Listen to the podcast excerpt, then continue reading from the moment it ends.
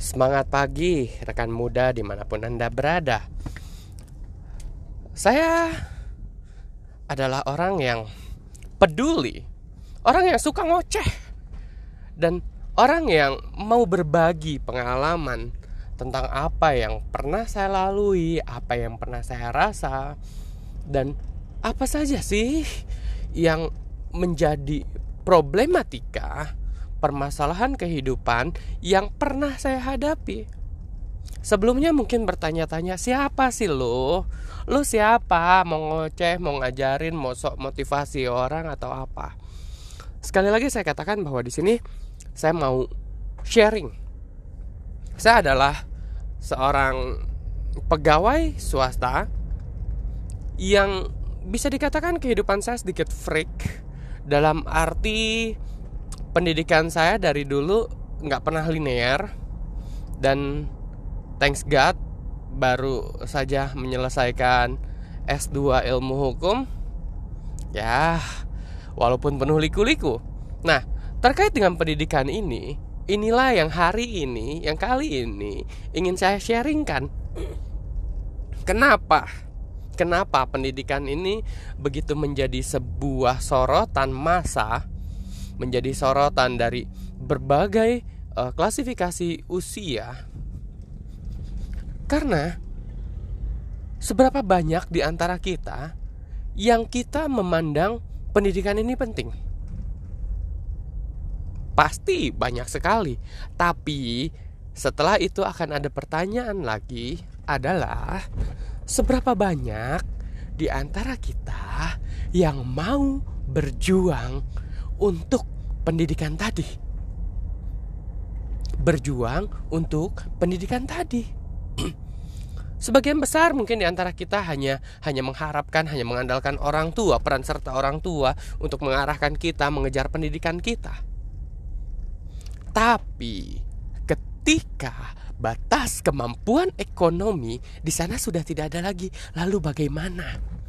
Langkah apa yang akan kita ambil sebagai generasi-generasi muda? Seberapa banyak di antara kita ini yang sudah mulai berpikir untuk Oh ya udah kalau orang tua saya nggak sanggup membiayai saya sekolah, membiayai saya kuliah, oke, aku akan lakukan sesuatu. Aku akan mulai bekerja, aku mulai menghasilkan uh, berkreasi untuk kemudian aku punya nilai jual. Jujur aku katakan bahwa aku sangat miris ketika orang hanya berpasrah pada kehidupan, berpasrah pada batasan ekonomi, kemampuan ekonomi tadi. Ketika orang tuanya sudah tidak sanggup membiayainya dan kemudian mereka hanya bilang, "Ya udah, aku hanya bisa sampai sebatas ini." Sorry, aku katakan no, don't think about that. Don't you ever think about that. Kenapa? Aku ketika jalanin kuliah S1 ku bukan kondisi mudah. Tapi aku mau berjuang. Aku mau korbanin masa mudaku. Aku mau korbanin waktu-waktu luangku. Kenapa? Karena aku lakukan sambil bekerja. Tapi ternyata setelah aku lalui masa-masa kuliah itu, aku mulai bisa berteori seperti ini. Kadang sering kali kita meng marah sama kehidupan dan kita mulai menyalahkan orang tua kita atas ketidakmampuan mereka, atas ketidakberdayaan mereka untuk membiayai kita sekolah dan kemudian kita mempersalahkan masa depan kita kepada orang tua kita. Padahal padahal nggak mungkin orang tua kita kalau mereka punya kemampuan mereka akan stop untuk biaya kita Dulu aku marah, ya. Aku marah sama orang tua aku. Pah, ma, kenapa? Aku pengen kuliah begini, aku pengen kuliah begitu, aku pengen sekolah ini, tapi kenapa gak punya batas kemampuan? Kenapa aku gak bisa? Aku terlarut dalam kondisi marahku, aku terlarut dalam kondisi ketidakstabilanku. Tapi di situ, thanks God, Tuhan bukain jalan, Tuhan bukain pikiranku. Lalu kemudian aku harus mengalah dengan seangkatan teman-temanku.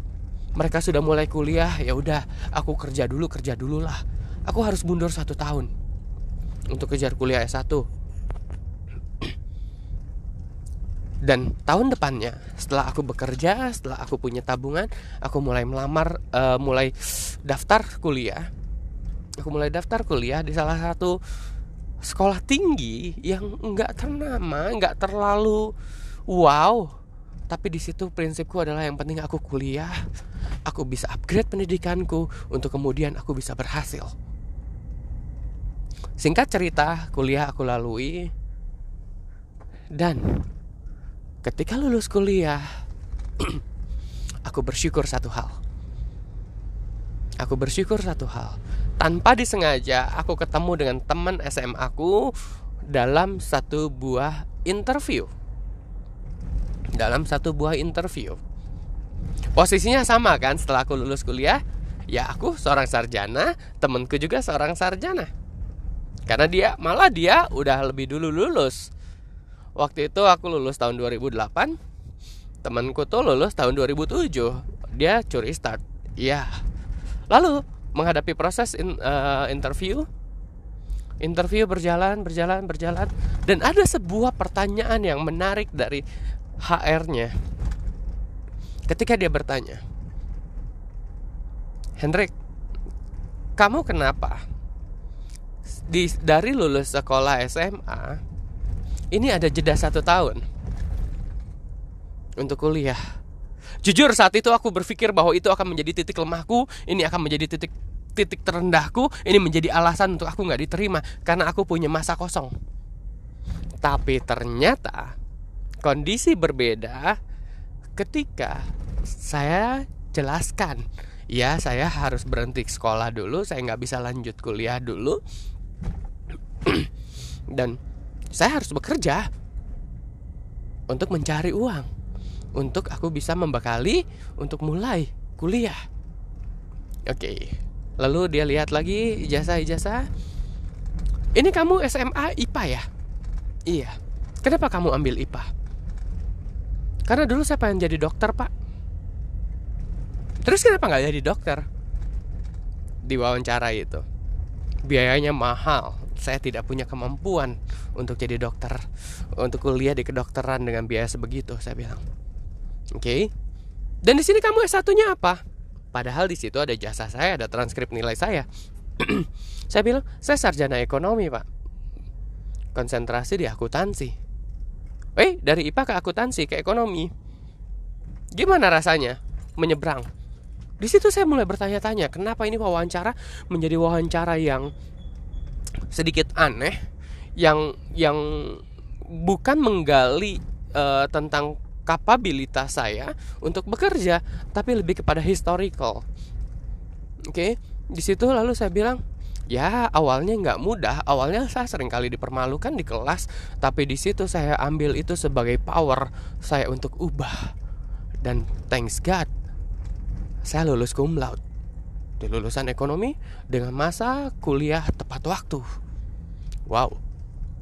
Dan di situ akhirnya aku diterima bekerja di tempat itu. Dan dan saya tanya, "Pak, kenapa saya diterima di sini?" Lalu jawabannya simpel. Karena kamu seorang sarjana dengan lima tahun pengalaman kerja, kamu berhasil membuang satu tahunmu untuk menunda kuliahmu, tapi justru kamu menginvestasikan lima tahunmu untuk pengalaman kerjamu. Dan saya nggak pernah berpikir sebetul sebelumnya ke arah sana. Saya tidak pernah berpikir bahwa hasil akhirnya akan seperti itu. Dan saya lihat teman saya, dia yang lulus kuliah lebih dahulu karena dia fokus di kuliah. Dia hanya menjadi sarjana dengan pengalaman satu tahun bekerja. Jadi teman-teman muda di sini, generasi muda di sini, kalian jangan pernah merasa marah, kalian jangan pernah merasa malu ketika kalian harus memulai bekerja dulu baru kuliah. Tapi alangkah bahagianya ketika kamu bisa lulus kuliah dengan hasil kerjamu dengan hasil keringatmu. Kenapa? Karena dengan seperti itu kamu sudah berhasil menginvestasikan sebagian besar waktumu yang menurut kamu itu menjadi sebuah kesia-siaan, tapi sebetulnya itu adalah investasi pengalaman kerjamu. Percaya. Percaya kamu akan mampu melaluinya. Percaya kamu akan menjadi indah pada akhirnya. Dan yang pasti, kembali lagi saya tekankan, jangan pernah marah dengan kehidupan ini. Karena sering kali kenapa kemarahan itu ada? Karena kita disesatkan oleh ekspektasi kita. Kita selalu berkata, ah kenapa ini kok nggak seperti yang seharusnya ya? Ini kan seharusnya begini, seharusnya begitu, seharusnya bla bla bla bla bla. Dengan mengatasnamakan seharusnya, seharusnya, dan seharusnya. Lalu pertanyaannya, kalau kita melandasi segala permasalahan kita, semua pertanyaan kita dengan kenapa seharusnya, lalu akan ada pertanyaan, seharusnya versi siapa, bos? Seharusnya versi siapa, bos? Kita selalu bilang ini nggak seharusnya nggak begini. Iya, seharusnya versi siapa, bos? Itu seharusnya hanya versi pikiranmu itu hanya kata seharusnya atas apa yang kamu inginkan, bukan atas apa yang Tuhan tetapkan untuk kehidupanmu. So wake up. Ya di sekarang siapa yang masih marah dengan orang tua kalian? Ayo, cepetan datangi mereka, hampiri mereka selagi mereka ada. Jangan pernah jangan sampai nanti seperti saya. Ketika saya mau mengakui, saya mau berterima kasih atas gencatan kehidupan, atas kikisan kehidupan, atas bentukan kehidupan tadi, tapi saya tidak punya kesempatan karena ayah saya. Sebelum saya meminta maaf, dipanggil pulang dan saya merasa bersalah sampai saat ini. Karena coba saya mencoba membayangkan ketika saya tidak mendapatkan bentukan seperti itu, saya tidak diproses seperti itu, mungkin hasil akhirnya juga nggak akan pernah seperti saat ini saya bisa hidup layak jauh dari cukup. Jauh dari cukup. Kehidupan saya salary saya pendapatan saya sudah cukup untuk menghidupi kehidupan saya. Cukup untuk bersenang-senang. Ayo. Saya percaya generasi muda yang dengerin ini. Yang dengerin celoteh saya yang nggak jelas ini. Semoga dibakar semangatnya. Untuk yes ayo aku mau kita sama-sama melangkah menjadi pemenang. Jadi buktikan bahwa kamu punya kualitas. Ketika kamu menyerah dengan kehidupan, kamu menyerah dengan uh, problematika-problematika dan mulai menyalahkan orang, artinya kamu tidak punya kualitas. Oke, semangat pagi. Semoga kita punya kesempatan untuk uh, berbincang, untuk saya ngoceh lagi, berceloteh lagi di next time. Thank you.